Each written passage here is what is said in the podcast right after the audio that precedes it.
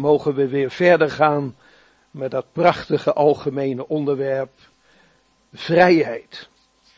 Ik moet zeggen, toen ik uh, vrijdagavond de studie eindigde met de uitspraak, wat is nou vrijheid volgens de Heere God?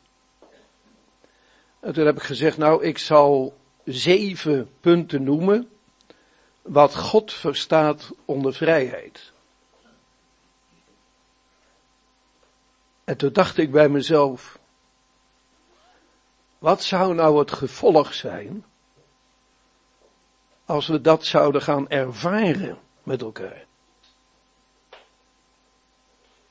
Vrijheid door vergeving van zonde, verzoend met God, verlost, bevrijd van de macht van Satan, bevrijd en gerechtigd, geheiligd en zelfs meer dan overwinnaars met Christus. Nou, ik weet wat het gevolg is, omdat ik mensen in die vrijheid heb zien komen. Maar als je beseft wat het is, dan betekent dat dat iemand in zo'n enorme grote ruimte terechtkomt, zo in de vrijheid, dat hij niet weet welke kant hij daarna uit moet. Dat betekent dat er in de vrijheid gevaren zijn.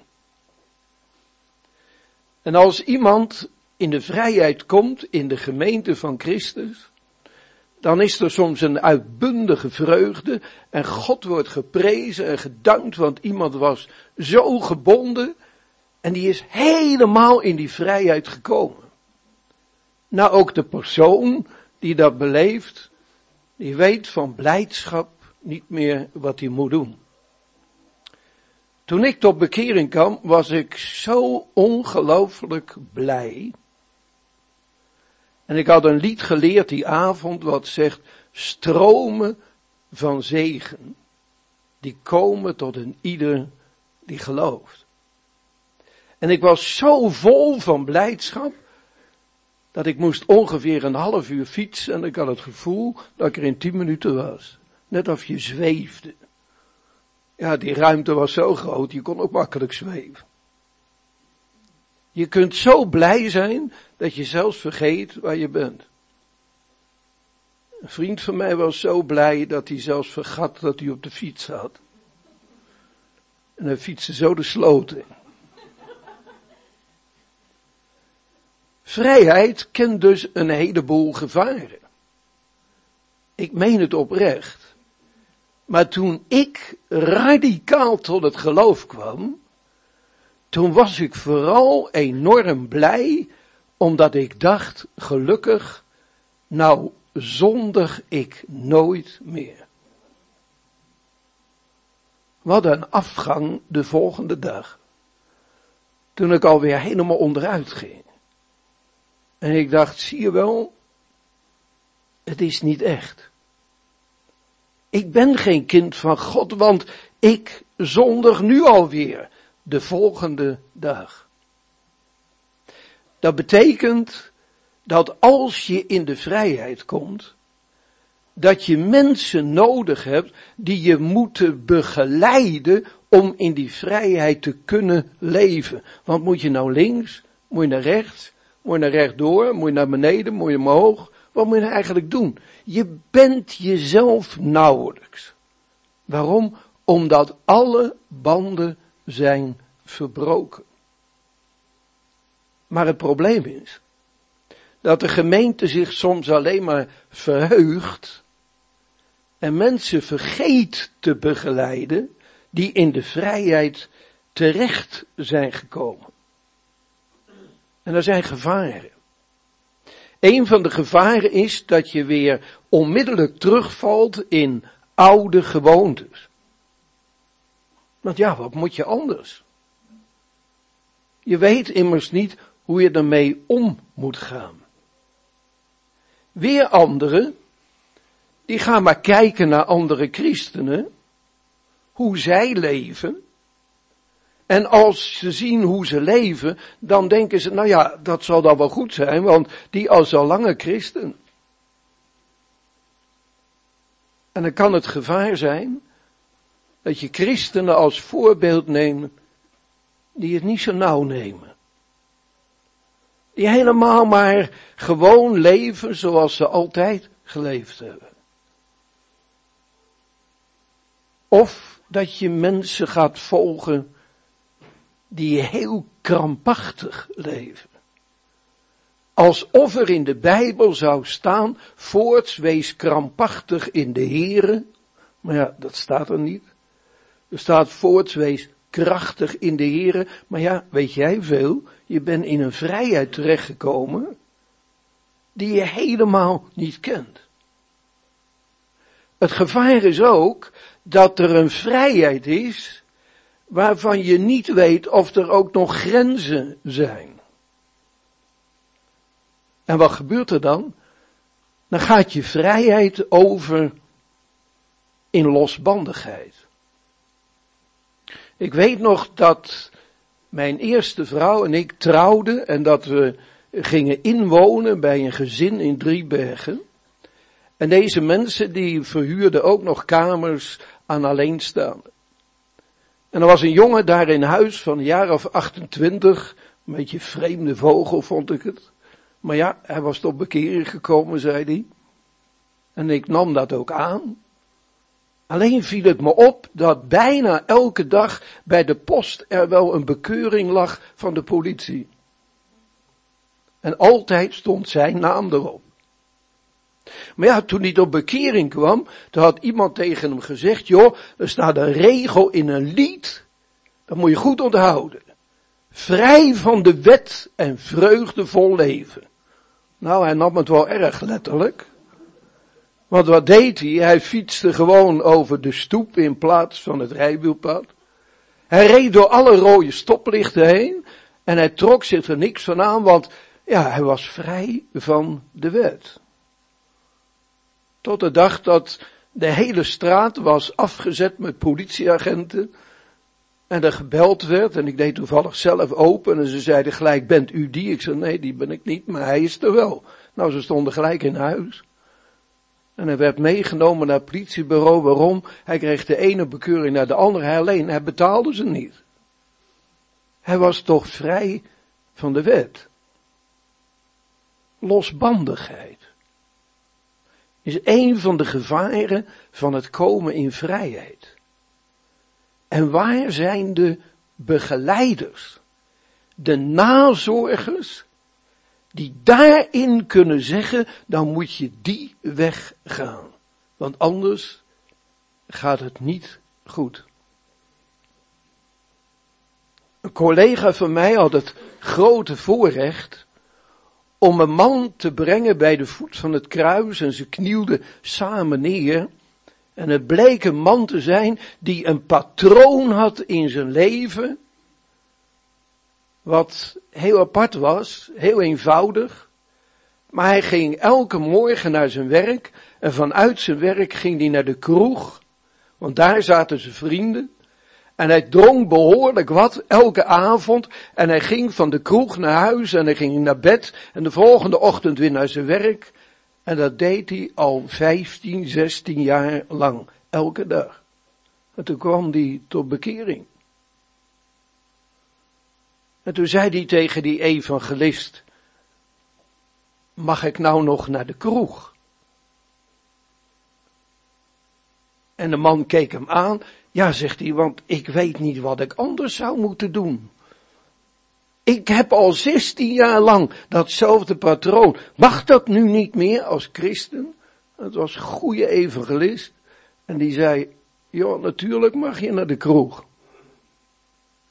Alleen hij zegt, je moet één ding toevoegen aan je patroon. Hij zegt, als je nou klaar bent met je werk, dan moet je eerst even naar huis gaan. Dan moet je in je slaapkamer je knieën buigen. En dan moet je bidden en zeggen, Heer Jezus, u weet, ik ben niet anders gewend dan naar de kroeg te gaan. En ik wil u vragen, wilt u met me meegaan? En hij ging met grote blijdschap onderweg naar het café. En hij doet de deur open. En hij kijkt naar binnen. En God liet hem zien in wat voor smerige troep die al die jaren had gezeten. En hij sloot de deur. En het is nooit meer een verleiding geweest voor hem om nog ooit naar de kroeg te gaan. Wat je nodig hebt als je in de vrijheid komt, dat is dat iemand je bij bijstaat en je leert om die weg met de Heer Jezus te gaan. Lidie, mijn vrouw en ik, wij hebben het beleefd een paar maanden geleden, dan een vrouw van in de zeventig jaar radicaal in de vrijheid kwam. Haar hele leven lang is ze gemanipuleerd door haar man. Ze had niks te zeggen. En haar man verklaarde haar altijd voor manisch depressief en er mankeerde van alles aan haar leven. De man verliet haar, omdat hij met de secretaresse er vandoor ging, en daar zat ze helemaal alleen. Als een ziek vogeltje.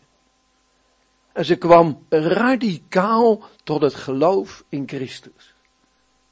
In zo'n ruimte dat we de eerste dagen er alleen maar even hebben laten gaan, omdat ze zo in die blijdschap was. Maar we wisten al, er komt een telefoontje vandaag of morgen van, ja, wat me nu overkomt. Hoeveel telefoontjes wij niet van de gehad hebben. Soms wel een paar per dag. En elke keer zei ze van, Aad, wat moet ik nou doen? En voor mij waren het de meest eenvoudige vragen, dat ik dacht, weet je dat dan niet? En ineens merkten we dat er gaven in haar tot ontplooiing kwamen, creatieve dingen, dat ze schrok van het feit dat ze die zelfs bezat. En ze ging zich schuldig voelen. Leven in de ruimte is een totaal nieuw leven waarin allerlei gevaren zijn. Lieve mensen, leven in de vrijheid van Christus, dat is leven in Christus. En ik zeg wel eens, dat is leven in de cirkel Christus, waar je niet te buiten moet gaan. Dat is zoals de Heer Jezus zelf ons leert en zegt, blijf in mij en wie in mij blijft, die draagt veel vrucht. Dat is de regel in Christus. Blijven in Hem. En dat is iets wat je niet zomaar leert. Ik heb mensen gehad, nodig gehad, dringend nodig gehad, die mij leerden om in die vrijheid te leven. Ik zal het je illustreren. Weet je, toen ik tot het geloof kwam, toen leerde ik al heel snel die prachtige tekst uit Efeze 4. En gij geheel anders, gij hebt Christus leren kennen. Ik was niet beter dan anderen, maar ik was anders geworden. Anders dan mijn vrienden, waar ik jarenlang mee had opgetrokken. En waar ik jarenlang dwaalwegen ging, althans later waren het in mijn ogen dwaalwegen. En ik was anders geworden. En toen las ik weer iets, een paar versen verder, ook in Efeze 4, maar dan vers 22, waar staat, en leg dan af. En iemand had me dat ook gezegd. Die zei, joh, nou ben je christen geworden en nou moet je ook leren om dingen af te leggen. Dus wat deed ik? Ik ging dingen afleggen. Ik dacht, ik mag dit niet meer. Ik mag dat niet meer, want ik ben christen en ik mag dit niet en ik mag dat niet. En ik legde naar mijn gevoel alles af. En wat is het gevolg als je alles aflegt? Dan kom je te zitten met lege handen. En ledigheid is dus duivels. En Satan die kwam weer in de leegte van mijn leven en zei, Aad, zou je dat nog niet eens een keer willen doen? En ik dacht, ja, ik heb toch niks anders, dus ik pakte het gewoon weer op. En ik begon weer te zondigen. Ik legde af. Tot overmaat van ramp las ik ook nog in de Bijbel dat er staat, bid zonder ophouden. Ik dacht, ik kan niet eens meer naar bed. Totdat iemand zei, wel nee joh, bidden zonder ophouden betekent gewoon bidden in regelmaat. Daniel bad drie keer per dag en dat deed hij in regelmaat. Hij ging niet 24 uur per dag bidden. Dus straks bij het eten zongen we het nog. Nou, het was voor mij een, een, het vloog me aan toen ik het las. En overpijns het woord bij dag en bij nacht. Ik dacht, wat een saai leven. Ik moet de hele dag in de Bijbel lezen. En ik snapte er werkelijk helemaal niks van. Er waren teksten die ik niet begreep, maar er was niemand die het me uitlegde. Totdat ik gelukkig iemand vond die zei, joh, je bent wel goed bezig. En het is wel prachtig dat je dingen allemaal aflegt, maar er staat ook bij dat je dingen moet aannemen. En dat waren de dingen die God mij aanbood vanuit zijn woord. En toen ik ontdekte welke dingen ik uit de hand van God mocht aannemen als rijke beloften die God mij schonk, toen werd mijn leven zo vervuld met de dingen van de Heere, dat toen de duivel kwam en zei, Aad, zou je nog niet eens dit willen doen? Dat ik tegen de duivel zei, ja dat zou ik wel willen, maar ik heb er geen handen meer voor. Want alles zat vol. Weet je, dat de meeste mensen die leven in vrijheid vaak begeleiders missen in hun leven. Nu de vraag is ook, hoe moet ik dan leven in die vrijheid? Ik vind het zo'n prachtige tekst, dat het een van mijn lievelingsteksten is, die staat in Handelingen 17, vers 28, waar Paulus zegt, in hem leven wij. In hem bewegen wij ons. En in hem zijn wij. Dus in hem leven wij. Dat betekent dat dat volle leven jouw deel is geworden en dat bestaat uit vergeving, verzoening, verlossing, bevrijding en al die aspecten die we hebben genoemd. Dat volle leven in Christus.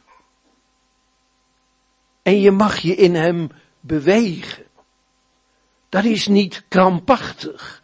Maar dat is dat je in een ruimte mag leven waarin je je ook vrij mag voelen. En in Hem zijn wij. Corrie ten Boom die gebruikte altijd dat voorbeeld als mijn duim een beeld is van mijn leven en mijn hand is een beeld van Christus en mijn andere hand is een beeld van God de Vader, dan mag ik zeggen met Christus ben ik geborgen in God. Dat is leven in Hem. Dat is die veiligheid, dat is die zekerheid dat ik in Hem veilig geborgen ben. En de grote vraag is, ken jij dat in jouw leven? Dat je niet meer zo krampachtig bent, maar dat je je mag bewegen in Christus. Vandaag aan de dag zien wij gelukkig mensen die komen van een gebonden leven in de vrijheid van Christus. En het is zo'n geweldige zegen als je die mensen in die vrijheid de weg mag leren gaan hoe ze verder moeten. En heel vaak gebruik ik daarvoor Colossense 2, vers 6 en vers 7. En ik zou zeggen, zoek dat eens op. Colossense 2, vers 6 en vers 7. Daar staan die prachtige woorden. Ik heb er een klein stukje ook vanmiddag van geciteerd. Daar staat, Colossense 2, vers 6 en 7. Zoals u dan Christus Jezus, de Heere, hebt aangenomen. Dat is het eerste. Wandel in Hem, geworteld en opgebouwd in Hem en bevestigd in het geloof, zoals u onderwezen bent, wees daarin overvloedig met dankzegging.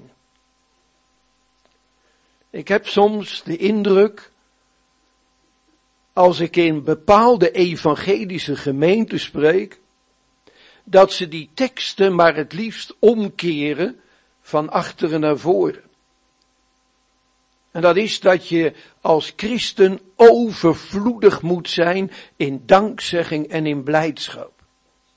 En je moet vooral blij zijn en je moet vooral die blijdschap ook tonen. En dat doe je dan natuurlijk door het zingen van liederen. En we doen er misschien wel allerlei gebaren bij. Bij handklap en handen opheffen. Oké, alles goed. Mensen die dat graag doen. Maar je moet vooral die dankbaarheid bekendmaken. Nou, ik heb soms het idee dat dat meer van die tandpasta lachen zijn dan een lachen in Christus. En zo'n tandpasta lach, daar krijg je echt kramp van in je kaken. Ze zullen het maar tegen je zeggen, dat je blij moet zijn. En dat je dankbaar moet zijn, terwijl je in de grootste problemen zit. Nee, we moeten de Bijbel leren aan mensen hoe ze in die vrijheid moeten leven. En dat is dat je ze mag bemoedigen en mag zeggen, joh, één ding is waar. Je hebt nu Christus, de Heere, aanvaard. En nu moet je gaan leren om te wandelen. Want als je Christus aanvaard hebt, dan ben je er nog niet. Nee, dan begint het leven. Nou, ik had vroeger altijd een ontzettende hekel aan die tekst. Zij die geloven haasten niet, want ik had altijd haast. En ik had soms het idee dat ik eerder in de kerk was dan de Heere God. Zo hard liep ik. Haasten is wat anders dan wandelen. Wandelen is iets wat God je wil leren. En veronderstel dat iemand in de vrijheid gekomen is en die ziet jou maar hollen en vliegen van het een naar de ander en van de ene conferentie zus naar de andere conferentie zo, altijd maar druk, nooit die rust en iemand gaat jouw voetstappen volgen. Dan ben je een slecht voorbeeld. Dat betekent als je andere mensen wil leren om te wandelen, dat je dan ook zelf moet leren te wandelen hoe God het bedoelt. Het derde wat er staat is dat als we leren om te wandelen, dan moeten we geworteld worden in Hem. Nu je weet allemaal, wortels die zitten onder de grond. Die ziet niemand. Oh ja, soms als er van die zandverstuivingen zijn. Ik had het tegenover mijn huis in Driebergen. Daar waren de wortels boven de grond, omdat het zand gewoon wegboeit. Vanuit de wortels zag je dat het zo heel langzaam begon te verschroeien als de zon te heet wortels behoren onder de grond. en niet boven de grond. Ik zal nooit spreken over de wortels van mijn leven. Waarom? Omdat ze dan boven de grond komen en het gevaar is dat ik dan wortels krijg die verbranden. Vond het heel treffend dat je dat er straks las. Uit 2 Korinthe 12. Dat de apostel Paulus zegt, ik weet van de mens. Of het in het vlees was of in de geest, weet ik niet. Maar het is veertien jaar geleden. Die opgetrokken werd in de derde hemel en daar onuitsprekelijke en verheerlijkte dingen heeft gehoord en gezien. Of het in het vlees was of in de geest, zegt Paulus, ik weet het niet. En elke Bijbelverklaarder weet dat Paulus het over zichzelf heeft. Maar hij heeft er veertien jaar lang niet over gesproken. Niemand wist dat hij dat had meegemaakt. En ergens wordt hij genoodzaakt door de gelovigen van Korinthe om dat bekend te maken. En hij verpakt dat helemaal en hij zegt, ik weet niet of het in het vlees of in de geest wordt. Maar ik weet van een mens. Hij noemt ook zichzelf niet. En ik denk altijd, dat waren de wortels uit het leven van de apostel Paulus. Daar trok hij als het ware de sappen omhoog. Hij had zoveel van de heerlijkheid van God gezien, dat hij niet te remmen was als het ging om de verkondiging van het evangelie. Want voor hem was het een kracht, die zo sterk en zo groot was. En zijn kracht lag onder de grond. Waar zijn de wortels van jouw geestelijke leven? Als het goed is, dan is het op die plek waar de Heer Jezus van zegt, sluit de deur, dus met andere woorden, doe hem op slot en spreek tot je vader in het verborgene, laat niemand je storen, buig je knieën en spreek tot God.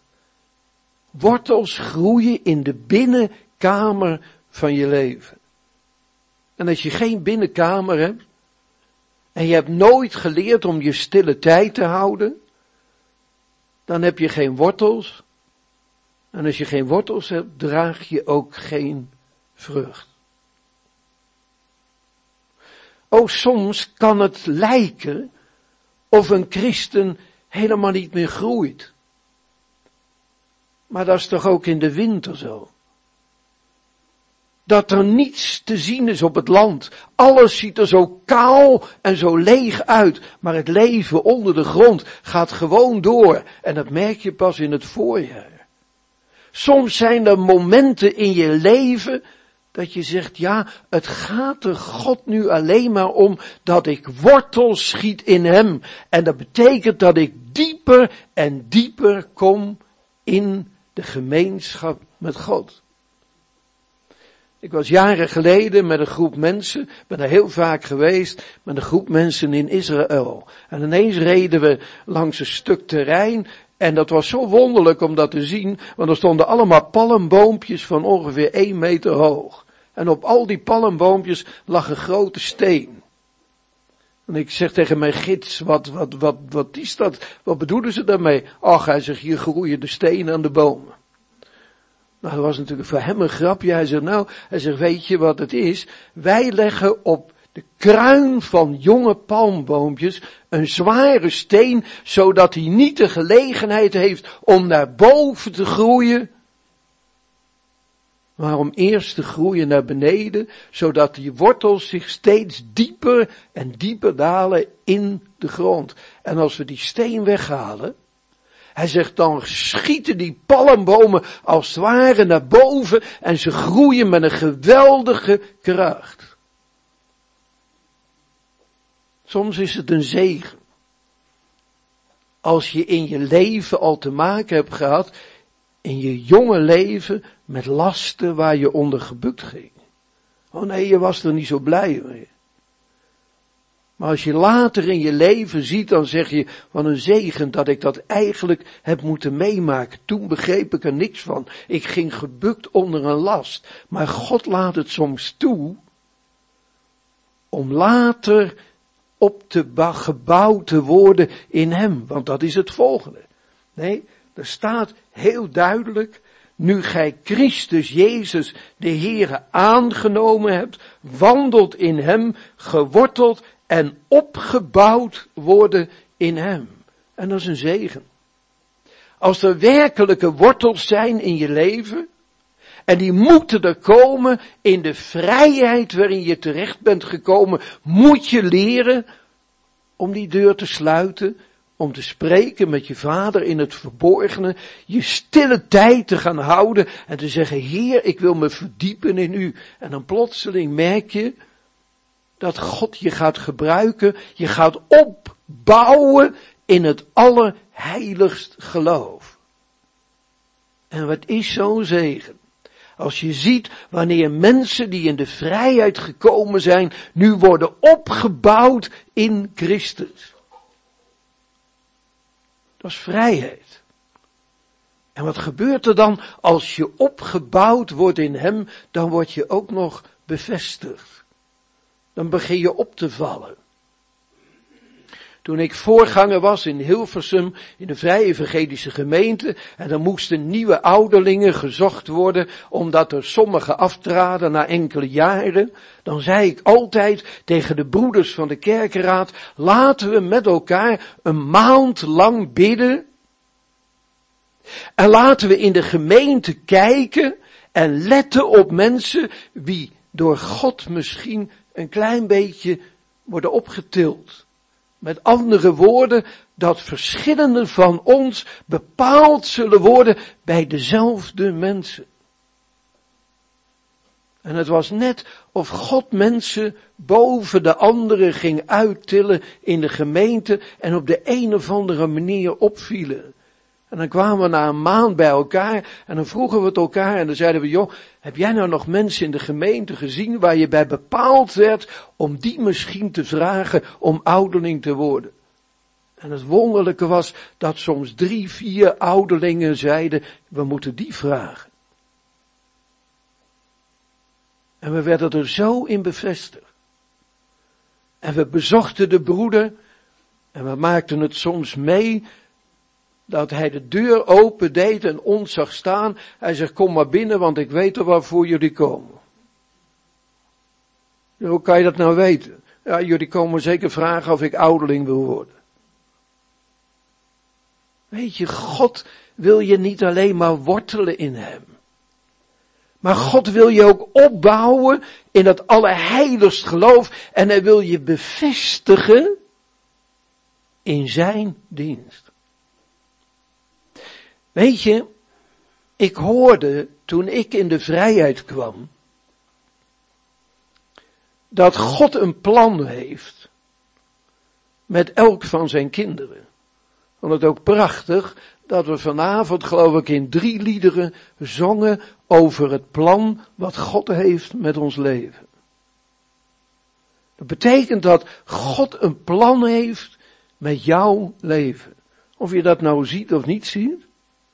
Je mag ervan uitgaan dat het zo is. Waar mag je van uitgaan?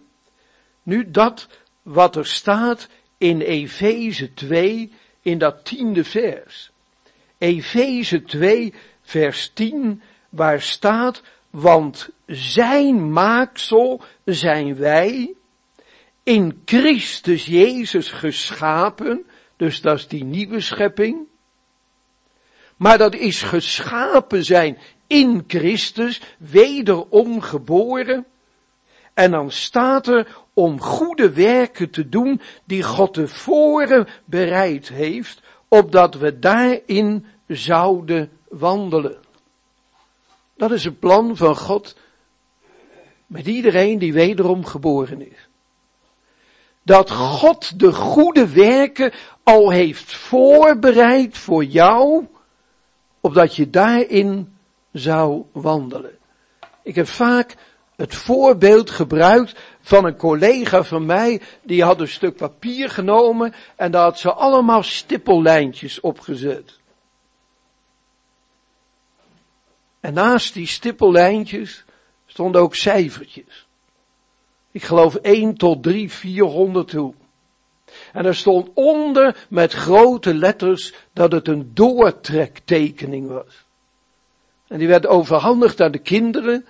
En de juffrouw zei tegen de kinderen, neem maar een potlood en verbind nu maar het ene stippellijntje met het ander. Volgens de cijfertjes 1, 2, 3 enzovoort. En die kinderen zagen die tekening, die lijntjes en die cijfertjes en die dachten, wat moet je daar nou mee? Want je kon niet zien wat het was. En ze begonnen het door te trekken. En ineens zei een van de kinderen, juffrouw, ik zie het al. En ze zegt, wat zie je al? Ik zie een herder. En ze zei, nou, dat heb je goed gezien. Maar er zit nog veel meer in. En ze ging door met het doortrekken van het ene stippellijntje naar het andere. En het bleek een herder te zijn met vijf schaapjes. Je zag er niks van, maar het patroon zat er al in. Weet je wat het probleem met ons vaak is? Dat we wel kunnen weten dat God een plan heeft met ons leven. Maar wij gaan van cijfertje 1 naar cijfertje 10.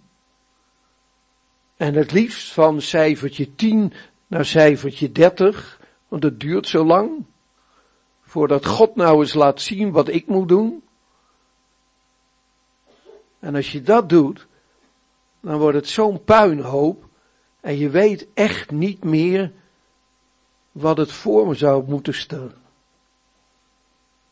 Maar als je de rust vindt in de vrijheid waarmee God je heeft vrijgemaakt. En je gaat in het geloof van stap 1 naar stap 2, nu je Christus de Heere aanvaard hebt. En je gaat naar stap 2 en je leert om te wandelen. En je gaat naar stap 3 en je leert om geworteld te worden. En je gaat van stap tot stap verder om opgebouwd en bevestigd te worden dan ineens ontdek je wat het plan van God is met jouw leven. Waarom? Omdat God zegt dat Hij de goede werken al heeft voorbereid. Weet je wat ik vaak heb gezien? Bij mensen die in de vrijheid kwamen, die waren zo enthousiast dat ze bereid waren om alles te doen.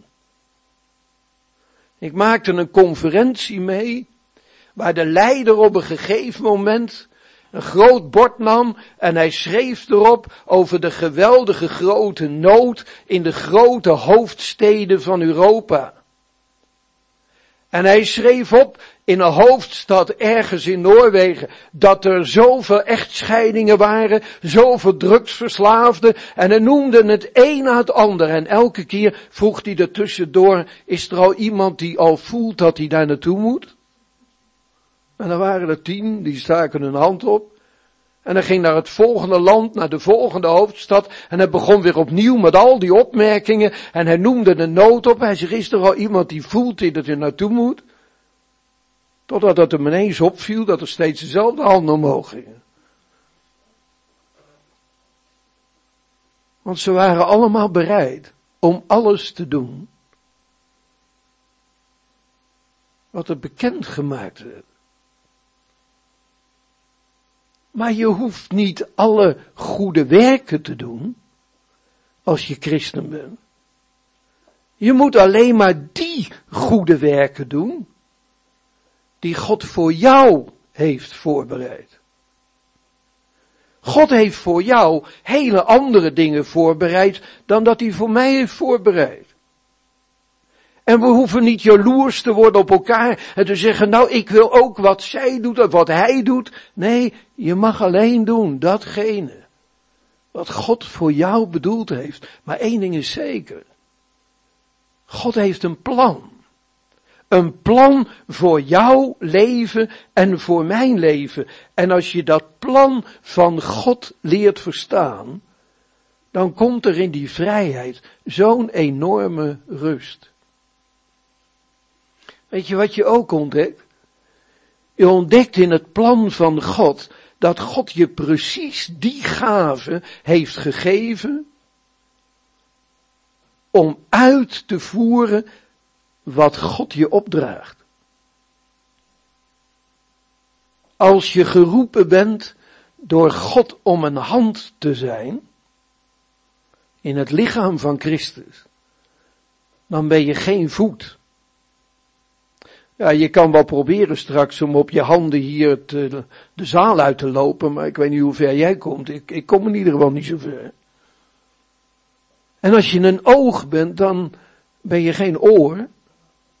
En als je een oor bent, ben je ook geen mond. Maar je bent wel iets in het lichaam van Christus. En God heeft een plan met jouw leven en met mijn leven. Dat betekent dat je in dat lichaam van Christus mag dienen voor datgene waarvoor God je de gave heeft gegeven. Misschien zeg je, ja, maar hoe weet ik nou welke gave ik heb gekregen? En hoe weet ik nou welke goede werken God voor mij heeft voorbereid? Nu, je kunt het weten. Want je hebt de Heilige Geest ontvangen toen je tot geloof kwam. En er staat in de Korinthebrief dat de Heilige Geest weet wat er in God is. En hij maakt het aan ons bekend. Daarom is het altijd een zaak van gebed om te weten welke goede werken je mag doen overeenkomstig de gave die God je geeft. Weet je, mijn eerste vrouw en ik hebben jarenlang de EO Kinderlanddag geleid. En de EO nodigde ons uit om die eerste dag te leiden en ze zeiden, er komen ongeveer 800 mensen. Ja, ja, er kwamen er 1500. En toen dachten we, nou, dat overkomt ons nooit meer. We rekenen volgend jaar dan maar op 2000. Ja, ja, toen kwamen er 3000. En vijf jaar later zaten er 7000 met 200 baby's. Ik was alleen blij dat ze niet bleven slapen. Maar ik moest er niet aan denken om voor 7000 kinderen een kinderverhaal te vertellen. Maar mijn eerste vrouw, die draaide de hand er niet voor om. En die kon verhalen vertellen waar de kinderen dood en doodstil waren, al zaten er 7000. Ik had er ook geen probleem mee, want ik wist, ik heb geen gave voor kinderwerk. Daarom als er een oproep gedaan wordt voor kinderwerk, dan blijf ik gewoon zitten. Ik zal niet zeggen van, ja, dat wil ik wel doen, want dat ligt me gewoon niet. Maar ja, als er nou gevraagd wordt om iets te organiseren, dan denk ik, hé, hey, zou God ook mij willen gebruiken om dat te doen? Ik had 600 medewerkers nodig. Nou, ik had er geen moeite mee als ze allemaal kwamen. Waarom niet? Omdat God daar gaven voor. En God een plan uitwerkt in je leven. En als je dat plan leert kennen, komt er zo'n diepe rust en zo'n diepe vrede. Dus wat zeggen wij tegen mensen? Die die volle vrijheid gaan ervaren, dat daar een groeiproces moet zijn en dat je die weg moet leren gaan, maar dat je zeker mag weten dat God een plan heeft met jouw leven. En dat is zo'n rust. Dat plan van God, dat noemen we God dienen. Weet je, een van de eerste brieven van de apostel Paulus, die ik mocht bestuderen toen ik net tot geloof kwam, dat was de eerste Thessalonicense brief. Dat was voor mij een brief die me zo aansprak en waar ik zo in geïnteresseerd raakte door de gelovigen van Thessalonica. Ze hadden een geloof, staat er, dat overal bekend werd. Wat voor geloof? Een geloof wat zich op God richtte. Dat was het bijzondere. Het was een geloof wat op God gericht was. Maar er gebeurde nog iets in die gemeente en de apostel Paulus die schrijft dat, dat er zelfs over die gemeente werd gesproken dat ze zich bekeerd hadden van de afgoden om de levende en de waarachtige God te dienen. Let wel,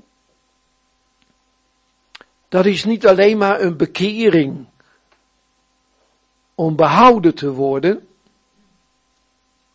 Natuurlijk is dat nodig. Dat je bekeerd moet zijn en een kind van God moet zijn om God te kunnen dienen.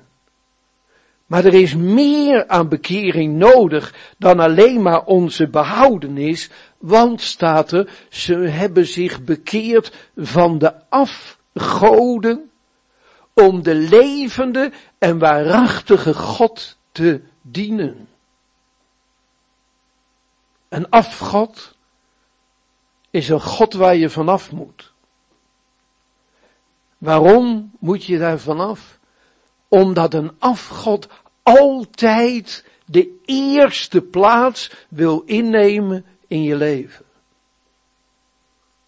Ik weet niet wat er op de eerste plaats staat in jullie leven. Daar hoef je niet zo lang over na te denken, want dat staat gewoon op de eerste plaats. Het kan zijn dat het je man is, je vrouw, je kinderen. Het kan ook zijn dat het je hobby is, je werk. Het kan ook zijn dat er allemaal goede dingen op de eerste plaats staan. Maar wat er op de eerste plaats staat, dat is een afgod als het niet Christus is. Ik kan God niet dienen als er iets op de eerste plaats staat wat niet met God te maken heeft. En dat betekent dat je dus moet leren om te breken met de afgoden van je leven. Jarenlang is de sport mijn God geweest. En het beheerste mijn hele leven. Ik moest het afleggen om Christus de eerste plaats te geven als ik Hem zou willen dienen. En gelukkig, God nam zelfs het verlangen naar de sport weg, waar ik zo aan vast zat. En God nam de eerste plaats in in mijn leven. Dat ik mag zeggen, Heer Jezus, het gaat om u en alleen maar om u. Ik mag de levende en de waarachtige God dienen. Wat is God dienen? Nu, het is een opdracht, zegt de Bijbel. Gij zult de Heere uw God dienen en Hem vrezen. En dat dienen van God kan voor jou totaal wat anders zijn dan mij. Weet je, ik heb het voorrecht gehad om de halve wereld af te reizen, om overal de pastorale cursus te geven en overal te mogen zijn om dat woord van God te brengen. En ik heb dingen mogen doen die mijn krachten te boven gingen. En toch mocht ik het doen. Waarom? Omdat er zoveel mensen bezig waren om God te dienen in de voorbeden. We hadden een gebedsbrief gemaakt waar de mensen precies met alle tijdsverschillen van de landen erbij precies wisten op dat uur in Nederland zijn wij bezig om daar een dienst te houden en te spreken over dat onderwerp. En het gebeurde zo vaak. Dat mensen zeiden, we hebben de gebedsbrief maar op ons nachtkastje gelegd, want we hebben gemerkt dat het in Zuid-Amerika vijf en een half uur vroeger is. En als wij naar bed gaan, begin jij te spreken. En we buigen onze knieën en we bidden voor je dat je kracht zal ontvangen. Wat een zegen. Als er mensen zijn die God dienen alleen maar door de taak van voorbeden. En we hebben tijden gehad. En we overhandigden die gebedsbrieven alleen maar aan mensen die beloofden om ook echt voor ons te bidden. Dat we duizend brieven verstuurden als we weer op reis gingen. En we werden gedragen door het gebed. Het is zo'n zegen dat je elkaar mag dienen en dat je doordat je elkaar mag dienen, God dient. Hebben we niet een schitterend voorbeeld? In de Heere Jezus Christus, de Zoon van God, die de Zoon des mensen werd en die zegt dat hij niet gekomen is om gediend te worden, maar om zelf te dienen. En hij gaf het voorbeeld van de dienende knecht des Heren. Vader, het is mijn lust om uw wil te doen. En ik heb vrijdag gezegd, Jezus was bereid, hij was vol overgave en hij was gehoorzaam tot de dood des kruises. God dienen kan op zoveel verschillende wijzen. Alleen, het is een opdracht. Gij zult de Heere uw God dienen en hem vrezen. Dat betekent dat je die opdracht niet zomaar aan je voorbij kan laten gaan. Nee, je bent een nieuwe schepping geworden. En er is een opdracht van God om hem te dienen. Alleen, als je het gaat doen, dan ga je ontdekken wat ware vrijheid is. Want je hoeft het nooit te doen in eigen kracht. Wat moet het geweest zijn voor Jozua? Toen hij merkte dat het volk wat hij mocht leiden door het beloofde land heen zag dat ze steeds meer de goden van andere volken begonnen te aanbidden. En op een dag gaat Jozua voor het volk staan en hij zegt, kies heden wie gij dienen zult. Kies ervoor.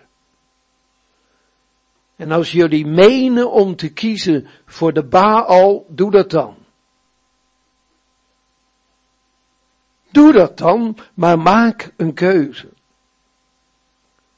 En dan zegt hij zo, met die bekende woorden, ik en mijn huis. Wij zullen de Heere dienen. Ik en mijn huis. Wat een zegen dat Jozua niet alleen maar als voorbeeld werd gesteld voor het volk, maar dat hij ook een voorbeeld was in zijn eigen huisgezin.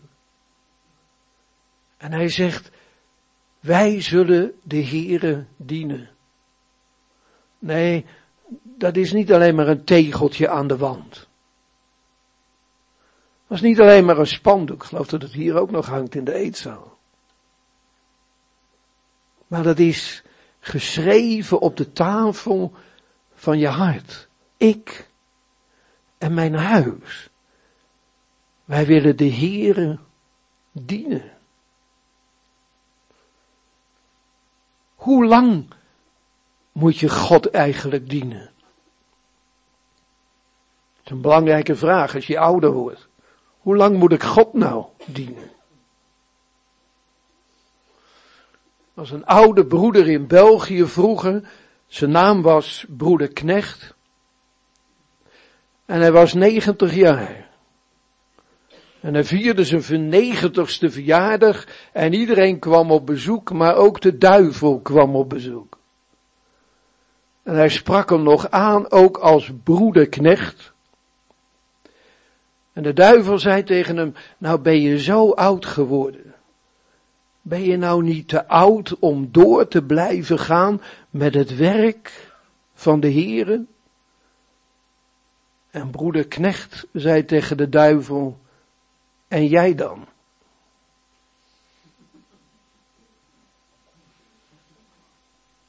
Ik weet niet hoe oud de duivel is, maar hij werkt nog steeds 24 uur per dag geloof ik. En hij gaat maar door, en hij gaat maar door. Hoe lang moeten we doorgaan? Weet je, toen de priesters er waren in de tempel van Salomo, toen was daar zo'n uitbundige vreugde, toen daar die wolk neerdaalde en daar die hele tempel gevuld werd, staat er met de heerlijkheid van God. En die heerlijkheid van God is zo sterk, dat er staat, en de priesters konden niet langer hun dienst verrichten, vanwege de heerlijkheid des Heren. Dus er komt een moment dat je automatisch ophoudt met het dienen van God, want dan kan het niet meer, omdat de heerlijkheid van God dan zo groot is. Wat een wonder moet dat zijn. Als die heerlijkheid zich openbaart. Is er iemand in ons midden die ouder is dan 84 jaar? Nee, hè? Nou, dan moet je gewoon doorgaan met dienen. Want de profetes Hanna, die diende in de tempel, staat er, onafgebroken. Dus ze diende door, terwijl ze 84 jaar oud was. Dus je gaat nooit met pensioen. God wil je gebruiken. En geeft je genade om die opdracht te vullen. Wat een zegen. Dus Jan, je moet nog even door hoor. Ja, dat dacht ik al. Ik zag jullie al fluisteren en ik hoorde jou van mag ik al ophouden, maar nee, we gaan nog even door Jan. En wat is het een zegen. Dat je door mag gaan bij het dienen van God. Alleen het wonder is dat dat dienen soms verandert qua inhoud. En dat je ineens hele andere dingen mag gaan doen in de dienst van God. Ik kreeg eind juli een zwaar hartinfarct. En mijn hele kransslagader zat op een haar na helemaal dicht. Ik heb nog nooit in mijn leven zoveel pijn gehad. En met loeiende sirenes werd ik naar het ziekenhuis gebracht en ik werd onmiddellijk geopereerd, gedotterd. En er werd een stent ingezet. En ik had er al twee, dus dat is al de derde. En toen hij erin zat, toen had ik het gevoel, er is niks gebeurd. En God heeft me nog gespaard om hem te blijven dienen. En toen ineens merkte ik dat ik toch wel een aantal weken wat rustiger aan moest gaan doen. En toen dacht ik, nou dat is prachtig. Ik was er net mee begonnen, Arjan heeft het verteld. Ik was net begonnen om een boek te schrijven. En dan moet je nagaan dat ik helemaal geen schrijver ben. En God gaf precies een periode waarin ik moest rusten en waar ik mooi een boek kon schrijven. God verandert soms je dienst. En je mag ervoor openstaan. En je mag het zeggen, ook in dit weekend. Heere God, nu ben ik in die vrijheid gekomen en nu heb ik gehoord dat u een plan hebt met mijn leven. En ik heb gehoord dat er een plan is waar u ook mij voor wil inschakelen. Met de gave die u mij hebt gegeven. En wat is het schitterend dat die gaven van ons allemaal weer anders zijn. Ik heb al gezegd, De een is een hand. En wat is het een rijkdom als je een hand in het lichaam van Christus bent, zodat je ander je hand kan reiken. En de ander een helpende hand kan bieden. Wat is het geweldig dat handen spreken van het dienen, van het geven, van het dragen, van het ondersteunen van iemand anders. Wat hebben we behoefte in de gemeente van Christus aan mensen die een hand zijn. Wat een zegen als iemand een voet is in het lichaam. Want een voet is er niet alleen maar om je voor te bewegen. Maar een voet is in het lichaam van Christus ook een betekenis van de richting aangeven. Heerlijk dat er mensen zijn ook in Stichting Hartkraai, die richting aangeven. Hoe de conferenties moeten worden gehouden, wat er moet worden behandeld, wat nodig is om jongeren en ouderen op te bouwen in het geloof. Richting geven zoals God het wil. Van een zegen. Als iemand een oog is in het lichaam van Christus. Ik had een zuster in de gemeente, die was echt een oog in het lichaam. Die had zoveel tijdschriften en zoveel kranten die ze elke dag las. En dan knipte ze dat uit, want ze dacht mijn voorganger heeft er toch geen tijd voor om dat allemaal te lezen. En dan knipte ze stukjes uit en dat deed ze bij mij in de brievenbus. Soms had ik al wel tien in de week.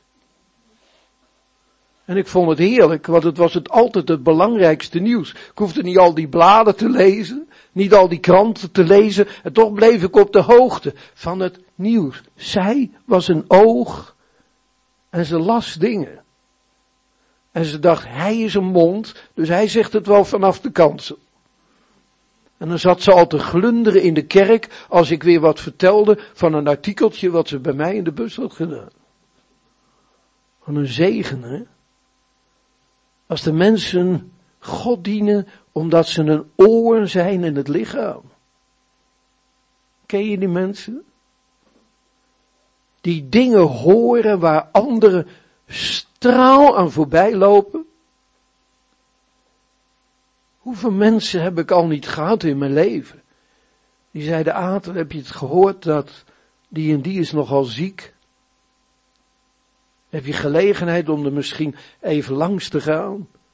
Ik zeg, joh, wat, wat, wat fijn dat je het zegt, want ik had het nog niet gehoord, ik wist het niet. En je dient elkaar in het lichaam van Christus. En nu de vraag. Welk lid ben jij nu in het lichaam van Christus? Misschien zeg je, ja, dat weet ik niet. Ja, sorry, maar dat moet je weten. Of je het nou weet of niet, je moet het weten. Waarom moet je het weten? Omdat je daar straks verantwoording voor moet afleggen aan God. Je bent een lid van het lichaam. 1 Korinthe 12. Alleen ben je niet het hele lichaam. Je bent een lid. Ik zeg vaak tegen mensen die zeggen ik weet niet welk lid ik ben. Dan zeg ik altijd, nou dan moet je het eens vragen aan iemand die jou goed kent. Misschien zeg je, ja dat durf ik niet, want ik weet niet wat ze gaan zeggen. Nou, dat is natuurlijk niet zo eerlijk. Maar wist je dat een ander het vaak beter zag dan dat je het zelf ziet? Ik was een keer in een bijbelstudiekring, er waren allemaal echtparen. En dat ging over dit onderwerp. En toen ineens, toen stond een vrouw op en die zei, ja, hoe weet ik nou wat voor lid ik van het lichaam ben? Ik zeg, is je man hier ook? Ja, zegt ze, die zit daar. Ik zeg, weet jij het van je vrouw? Hij zei, ja, natuurlijk weet ik het. En hij noemde het. En ze kreeg toch een kleur van en ze zegt, kom je daar nou bij? En wat bleek nou? Het bleken ook nog vrienden van elkaar te zijn. En die vrienden zeiden tegen die vrouw, ja kom nou, doe nou net of je het niet zelf ook weet.